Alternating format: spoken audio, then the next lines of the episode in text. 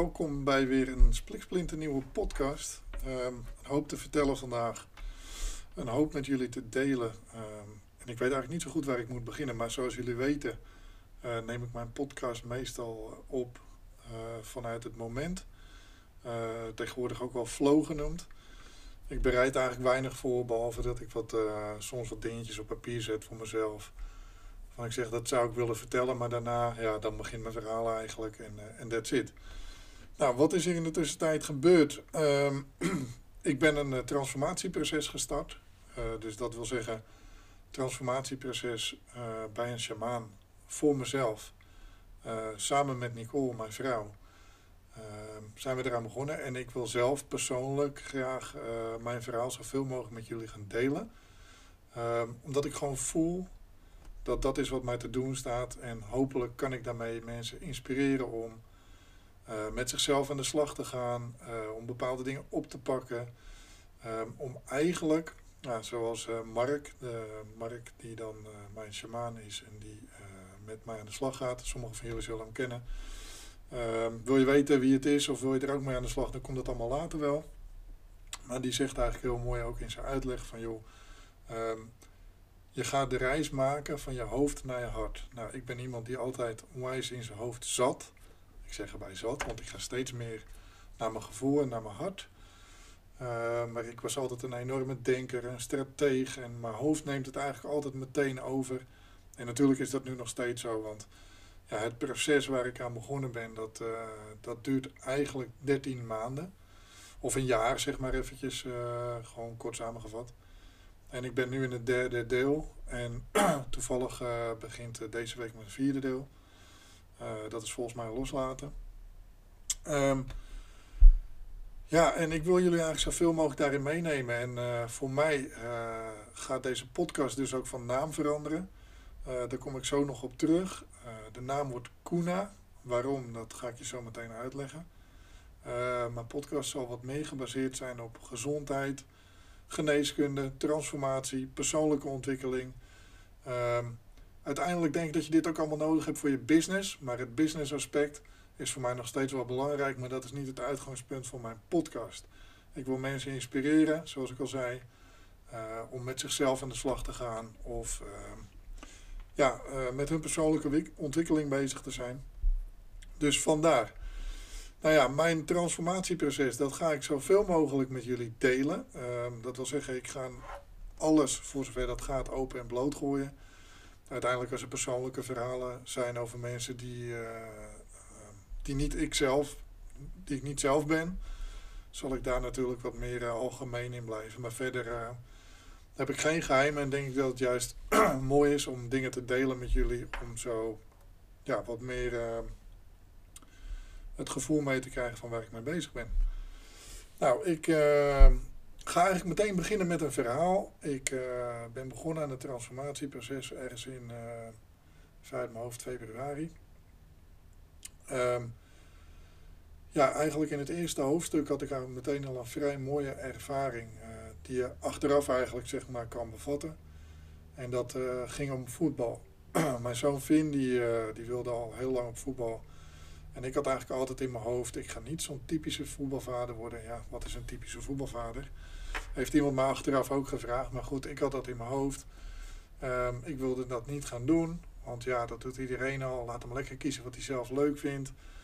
Ik keek al heel lang geen voetbal meer. Uh, heel af en toe keek ik nog eens. En uh, ja, ik had het eigenlijk in mijn hoofd allemaal wel uitgelegd waarom dat zo was. Nou goed, uh, die kan uh, eigenlijk vanaf dat hij kan praten alleen maar over voetbal praten. Die vindt voetbal helemaal fantastisch. Dus ja, uh, of ik het nou uh, wilde of niet, ik heb het niet gestimuleerd, maar hij vond dat helemaal fantastisch. Dus op een gegeven moment besloot hij op voetbal te gaan. Ik zat midden in het eerste deel van mijn transformatieproces. En ja, hij had zijn zwemdiploma gehaald, want dat vonden wij een voorwaarde. En toen hij zijn zwemdiploma had gehaald, gingen wij meteen dezelfde dag voetbalschoenen kopen. En uh, oma die had beloofd dat ze die uh, zou betalen, opa en oma. Uh, dus die ging mee. Maar eigenlijk was ik al eventjes naar wat andere winkels toe geweest. En ik zag daar voetbalschoenen staan, ook voor volwassenen. En ik dacht al door, nou ja, ik zou eigenlijk zelf ook wel voetbalschoenen willen hebben. Maar ja, dacht ik, ja, we slaan het op, ik voetbal helemaal niet meer. Dus ik had het een beetje losgelaten. Ehm, vervolgens hadden we voetbalschoenen voor Finn weten te vinden na wat uh, omzwervingen. De eerste voetbaltraining begint. Ehm, dat was toen nog binnen in de sporthal. En ehm, ik was uiteraard mee. En eigenlijk dat we die sporthal binnenliepen, kreeg ik al een heel uh, apart gevoel. Uh, niet negatief, positief, een beetje in het midden. Ik kreeg heel veel herinneringen voor mijn gevoel. Ik had er heel veel zaal gevoetbald in, uh, in de sporthal. En ik zag Vinda lopen en dat raakte mij zo onwijs. En uh, ja, ik kon het niet helemaal plaatsen, maar ja, dat hoeft soms misschien ook niet. Het raakte me gewoon heel erg. Ik vond het zo mooi om te zien. En uh, hij was eventjes bezig en de trainer die daar liep, Daan, die ken ik toevallig. We konden elkaar niet super goed, maar we, we kennen elkaar wel. En die zei eigenlijk meteen, hey Peter, leuk dat je er bent. En na een tijdje zei hij van, zou je het niet leuk vinden om mee te helpen met trainen? Nou, en ik ging eigenlijk meteen naar mijn hoofd. Ik dacht, nee, ga ik niet doen. Uh, ja, zo'n typische voetbalvader, dat wil ik niet worden. Maar ik hoorde Finn op de achtergrond roepen, nou pap, dat ga je toch wel doen? Dus ja, ik ging daar eens over nadenken. En ik ging dat eens een beetje voelen. Op een gegeven moment denk ik, ja, waarom, waarom zou ik het ook niet doen? ja, waarom zou ik het niet gewoon gaan doen? Dus ik heb eigenlijk toen besloten dat ik het ging doen. De volgende dag. En de volgende dag ben ik meteen voetbalschoenen gaan kopen. En uh, nou ja, goed. Hè, geloof in uh, toeval bestaat niet. Uh, dat ik die voetbalschoenen dus al er al zag lonken, dat had een betekenis. Dat, eigenlijk komt dat nu pas binnen. Waarschijnlijk had ik al een soort onderbewust gevoel dat ik hem mocht gaan trainen. Maar ergens die week viel er nog een veel grotere puzzel in elkaar. Want waarom raakte het mij nou zo onwijs? Vroeger was mijn allergrootste passie was voetbal. Echt, dat uh, was mijn lust in mijn leven. Ja, ik kwam uit een uh, gereformeerd gezin, toen de tijd nog. En ja, de dingen die ik nu vertel, joh, die hebben mijn ouders ook altijd met de beste intenties gedaan. En ik hou zielsveel van ze. En ik weet dat ze altijd alles goed voor mij gedaan hebben. Maar ja, net zoals dat ik nu dingen doe die misschien mijn kinderen niet dienen, hebben mijn ouders toen ook dingen gedaan die mij niet dienden. Vanuit de beste bedoelingen, maar ja, ze hebben wel iets teweeg gebracht. En ja, die, uh, die puzzel viel in elkaar. Dus nogmaals, ik vind dat toch belangrijk om dat te benadrukken. Uh, dat doet niets af aan hun liefde voor mij en, en onze relatie, want die is fantastisch. Maar ja, voor mij viel de puzzel in elkaar. Want ja, door dat geloof moest ik eigenlijk, toen we naar zondagvoetbal gingen, moest ik stoppen met voetbal. En dat heb ik toch heel erg gevonden. Ik kan me ook eigenlijk niks meer van die tijd herinneren. Dat heb ik helemaal weggestopt. En ja, eigenlijk nu, door uh, Finn, komt eigenlijk dat weer helemaal naar boven. En ik zat eigenlijk midden in die eerste transformatie. En uh, nou ja, um, ik vond het eigenlijk mooi ik heb er ook een mooi gesprek nog over kunnen hebben met mijn ouders. Die zijn ook al op de voetbaltrainingen wezen kijken. En eigenlijk heb ik een oud dingetje kunnen oplossen. En ik weet eigenlijk niet wie er blijer was de eerste dag van de veldtraining dat we daar op het veld stonden. Of dat nou Finn was of ik. maar het gaf zo'n gelukzalig gevoel. En tot op de dag van vandaag, als ik hem mag trainen. En als ik daar loop, ik voel me gewoon net weer een klein kind. Het kind in mij is naar boven gekomen. En ja, ik wist eigenlijk niet dat daar nog zoveel pijn zat. En uh, ja, dat heeft wel echt uh, flinke impact gemaakt. En ja, ik, uh, ik kan het nu aankijken. Ik weet dat het niemand zijn schuld is. Maar ik kan wel concluderen dat het mij toen de tijd wel heel veel pijn heeft gedaan. En dat ik dat nu eigenlijk mag oplossen. En dat ik door Finn eigenlijk training te mogen geven eigenlijk bij mezelf ook wat heb kunnen oplossen. Dus dat was eigenlijk zo'n mooie eerste ervaring. Nou, dat is eigenlijk de eerste ervaring die ik wilde delen. Dat voetbal is ook nog op vele vlakken teruggekomen in die week. En nou, die puzzel was zo mooi in elkaar gevallen. Nou, het tweede ding uh, dat ik had was naast de, de ceremonies en de behandeling bij Mark. Ga ik ook naar Anouk toe, zijn, zijn vriendin. En die doet ja, energetische massage of regressie. Ja, een beetje daar, ja, ik weet niet. Ik wil het ook niet per se een naam geven, maar ze brengt je dichter naar je gevoel, laat ik het zo zeggen. En uh, de eerste keer uh, gebeurde er nog niet zoveel, maar ja, ik, dat is weer typisch mij. Ik verwacht meteen resultaat. Ik ben iemand die heel erg in zijn hoofd zit. En uh, ik moet meer naar mijn gevoel en dan moet het ook meteen. Nou, dat gebeurt natuurlijk niet. dus de eerste keer was gewoon hartstikke prettig. Maar toen kwamen we nog niet echt bij mijn gevoel. En uh, de tweede keer gebeurde er eigenlijk iets heel moois. Um, ja, Anouk die heeft gewoon hele fijne muziek aan. Die masseert je. Die voelt ook gewoon bepaalde dingen aan. Die stelt hele goede vragen. En daardoor ga je eigenlijk terug naar je verleden. En eigenlijk naar je onderbewustzijn.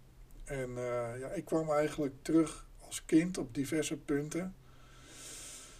Ja, en daar, uh, ja, daar merkte ik wel gewoon dat ik, dat ik gewoon toen niet in bepaalde situaties niet happy was. En eigenlijk kon ik me van al die tijd helemaal niks meer herinneren. En nu ging ik er eigenlijk zo naar terug. Uiteindelijk kwamen we via allerlei omzwervingen waarbij ik mezelf op de basisschool zag zitten. waar ik een keer moest nablijven um, zag ik mezelf uh, in de kerk. En um, ja, terwijl ik mezelf daar in de kerk zag, raakte me dat al best, best erg.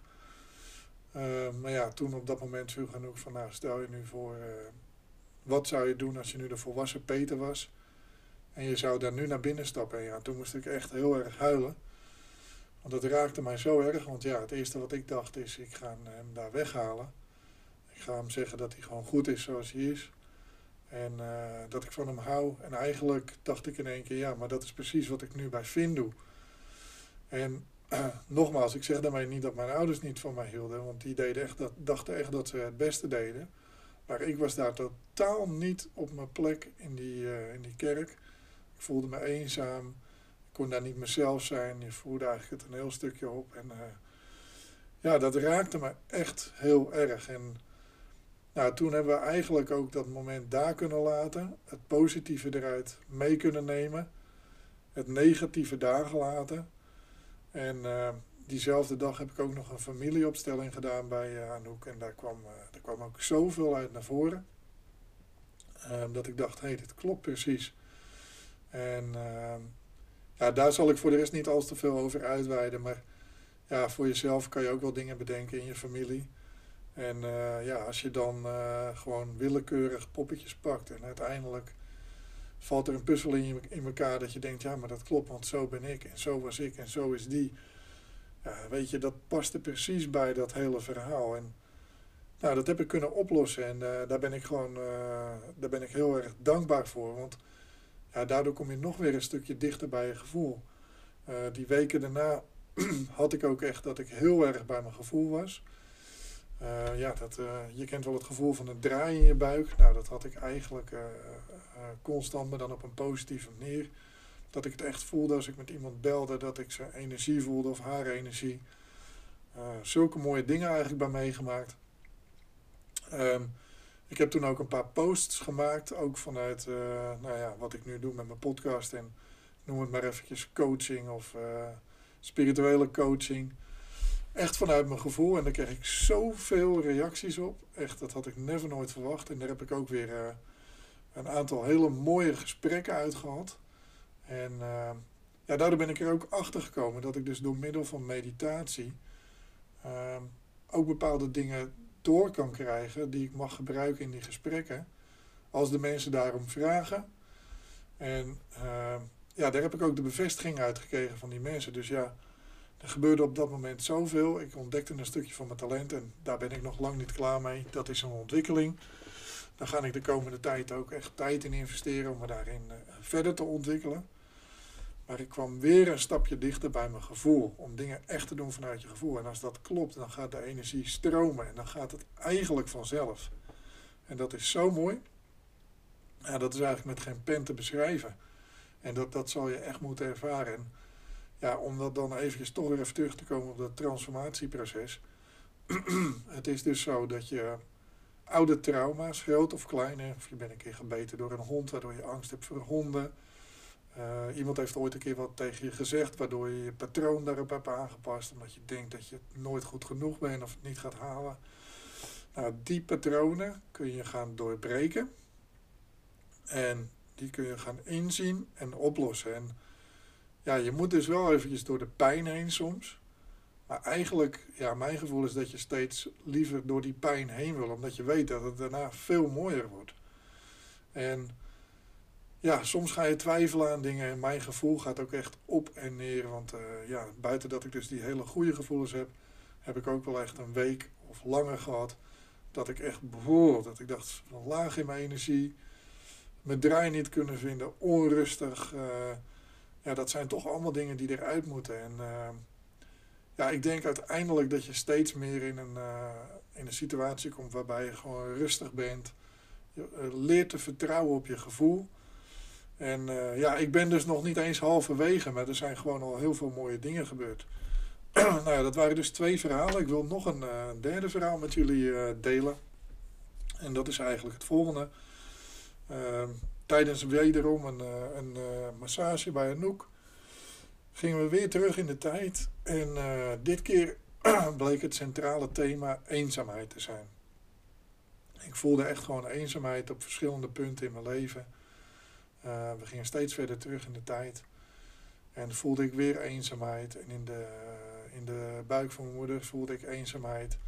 Ehm, toen gingen we nog een stapje verder terug en ik had eigenlijk nooit verwacht dat dat, uh, dat, dat zoiets mogelijk zou zijn. Ik had daar ook niet van tevoren over nagedacht, maar er niet op voorbereid. We hebben daar ook niks voor genomen, geen uh, plantmedicijn of iets anders, maar gewoon uh, massage, rust.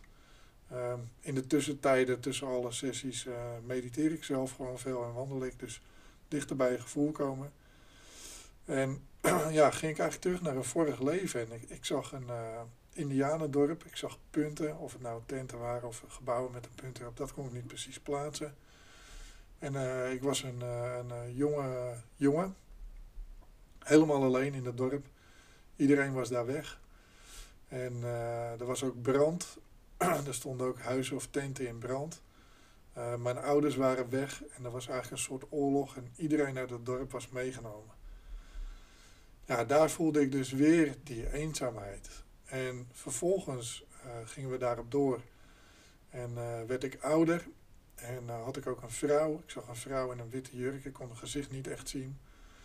En ik ging ten strijde oorlog voeren. En uiteindelijk stierf ik daar ook eenzaam op het slagveld met een mes in mijn borst. En ja, toen gingen we eigenlijk terug. Toen hebben we daar het positieve in meegenomen. Dus uh, eigenlijk de, de strijdvaardigheid of de kracht en de liefde hebben we meegenomen.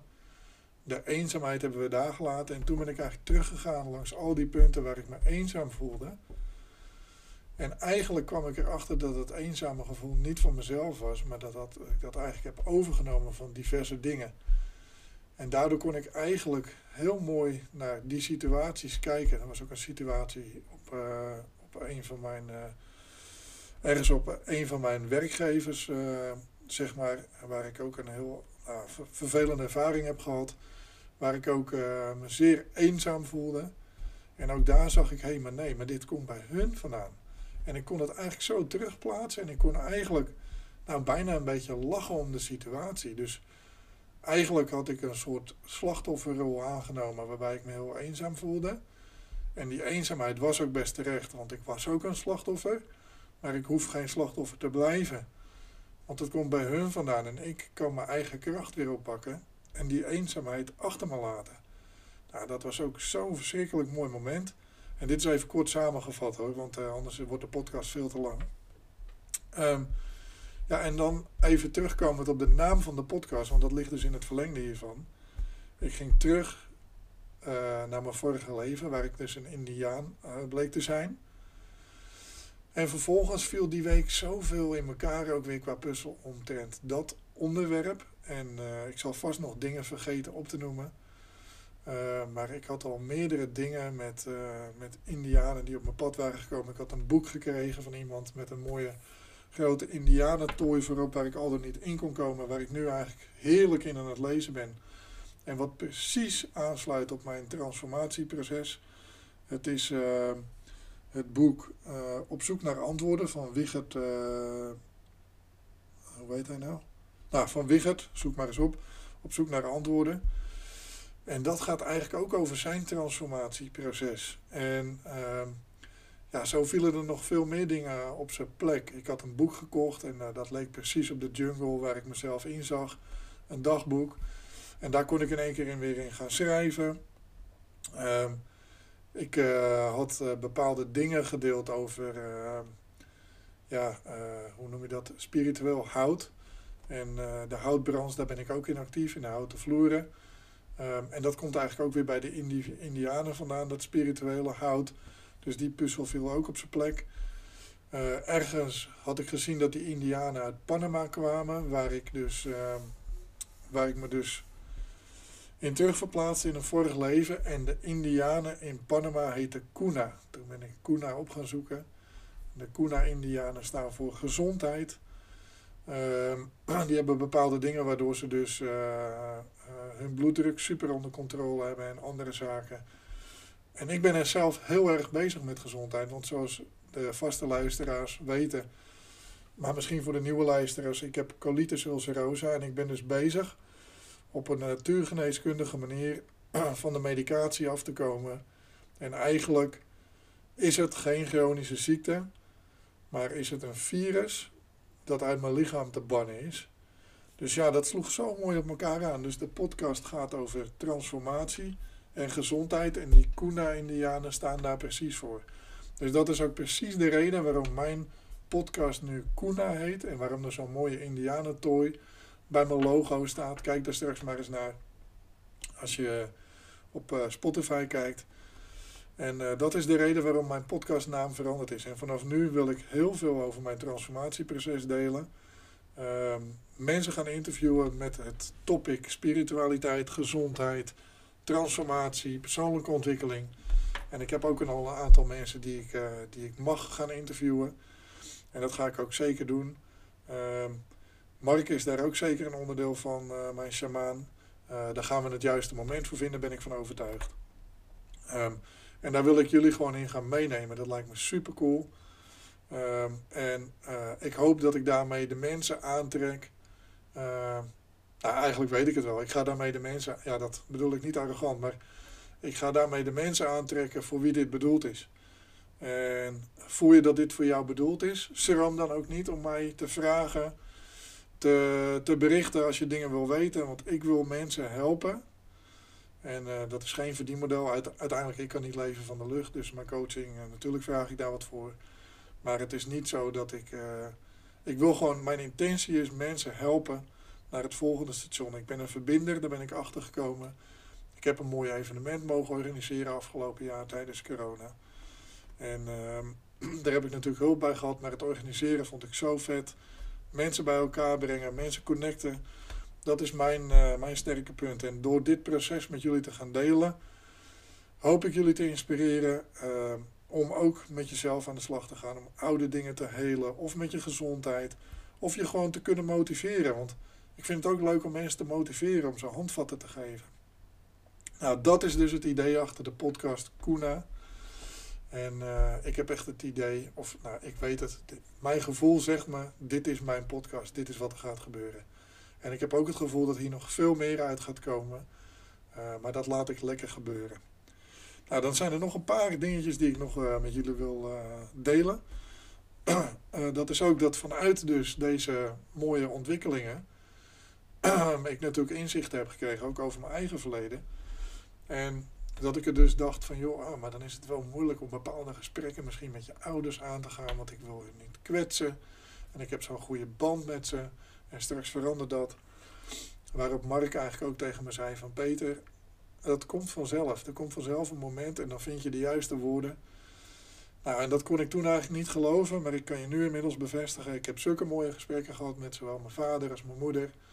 Uh, nou, die zijn waardevol voor de rest van mijn leven. En dat raakt me nu weer als ik het zeg. Maar eh, zonder verwijten naar elkaar, maar gewoon concluderend. En dingen herkennen en er bewust van zijn en erover kunnen praten. Nou, die, die gesprekken zijn voor mij echt goud waard. En daar heb ik zulke mooie dingen bij mezelf mee kunnen oplossen. Maar ik denk ook bij hun en ook weer voor mijn kinderen. Dus dat werkt eigenlijk zoveel kanten op. En daarvoor zou ik iedereen dit, dit proces gewoon uh, gunnen. Nou, dan als laatste wil ik ook nog eventjes delen. Kuna, de podcast. Jullie weten nu waar dat voor staat. Ik ben dus ook dat boek gaan lezen van eh, eh, Op zoek naar antwoorden van Wichert. En ik was dus zelf al heel lang bezig met het schrijven van een boek. Ik had al eh, heel veel pagina's op papier staan. maar het voelde gewoon als dat het heel veel energie kostte. En dat kwam ook omdat het heel erg vanuit mijn business was, vanuit mijn carrière. En eigenlijk sinds deze laatste ervaring ben ik tijdens dat ik een infuus kreeg in het ziekenhuis voor mijn colitis, ben ik in mijn dagboek gaan schrijven. En het stroomde in één keer weer. En ik denk, dit is waar ik over moet gaan schrijven. En ik ben weer verder gegaan met mijn boek, maar ik ben het over een heel andere boek gaan gooien om gewoon mijn verhaal te gaan delen over mijn chronische ziekte, hoe ik dat wil overwinnen, mijn spirituele ontwikkeling, mijn transformatieproces, mijn persoonlijke leven. En uh, dat boek, ja, dat moet gewoon Koena gaan eten, dat kan niet anders. Ja, goed. Wie weet wat er in de tussentijd gebeurt. Ik ga niks uh, in hokjes plaatsen, maar dat, dat gevoel heb ik. Uh, en dat boek ga ik de komende tijd verder aan schrijven. Dankzij een goede vriendin ben ik in contact gekomen met iemand die dat proces ook een beetje kan begeleiden. Daar heb ik ook meteen een afspraak mee ingepland. En dat boek gaat er komen en dan schrijf ik dat maar voor vier mensen. Interesseert mij echt geen reet. Maar ik heb het gevoel dat ik mensen dat ik mensen verder mag helpen. En zo heb ik zelf ook ooit boeken gelezen waar ik verder mee ben gekomen. En waardoor ik op het pad ben beland waar ik nu ben. En zo hoop ik ook mensen te kunnen inspireren om, uh, om hun eigen pad te gaan bewandelen. Ja, dit was even kort, kort samengevat uh, uh, ja, waar ik nu mee bezig ben. Komende tijd wil ik jullie dus veel meer mee gaan nemen. Ik ga jullie aankondigen wanneer er interviews aankomen met anderen. Ik wil wel echt mijn volgende podcast zeker een interview doen, want dat is ook leuk voor jullie om eens een keer iemand anders aan het woord te horen. Ehm, ik hoop dat jullie mijn, uh, ja, mijn nieuwe richting, mijn nieuwe weg interessant vinden. Ehm, vertel gerust ook anderen erover. De podcast is uiteraard volledig gratis, maar hey, ik ben afhankelijk van jullie support. Dus al deel je het of uh, je vertelt mijn verhaal verder. of je kent mensen met colitis die ik mag helpen, die ik kan vertellen waar ik mee bezig ben. Of misschien kan ik hun in contact brengen met andere goede voedingsdeskundigen of uh, een shamaan. Ik heb met, ben met zoveel mensen in contact gekomen met betrekking tot lichaam en geest, gezondheid, voeding. Uh, dat ik altijd wel iemand kan vinden die iemand anders verder kan helpen. Als diegene dat ook echt wil en daar klaar voor is. Dus deel mijn verhaal gerust ik wil jullie echt bedanken voor het luisteren. En voor degenen die het al delen en liken. Ik ben er echt super dankbaar voor. Uh, ik ben sowieso dankbaar dat ik deze podcast mag maken. Ik ben hem ooit begonnen. Nooit verwacht dat dit uh, de richting zou worden. Maar wel het gevoel dat ik uh, dit mocht gaan doen. En ja, dankbaarheid is eigenlijk het voornaamste woord. En ik hoop jullie te kunnen inspireren. Nou, tot de volgende podcast. Bedankt voor het luisteren en tot snel.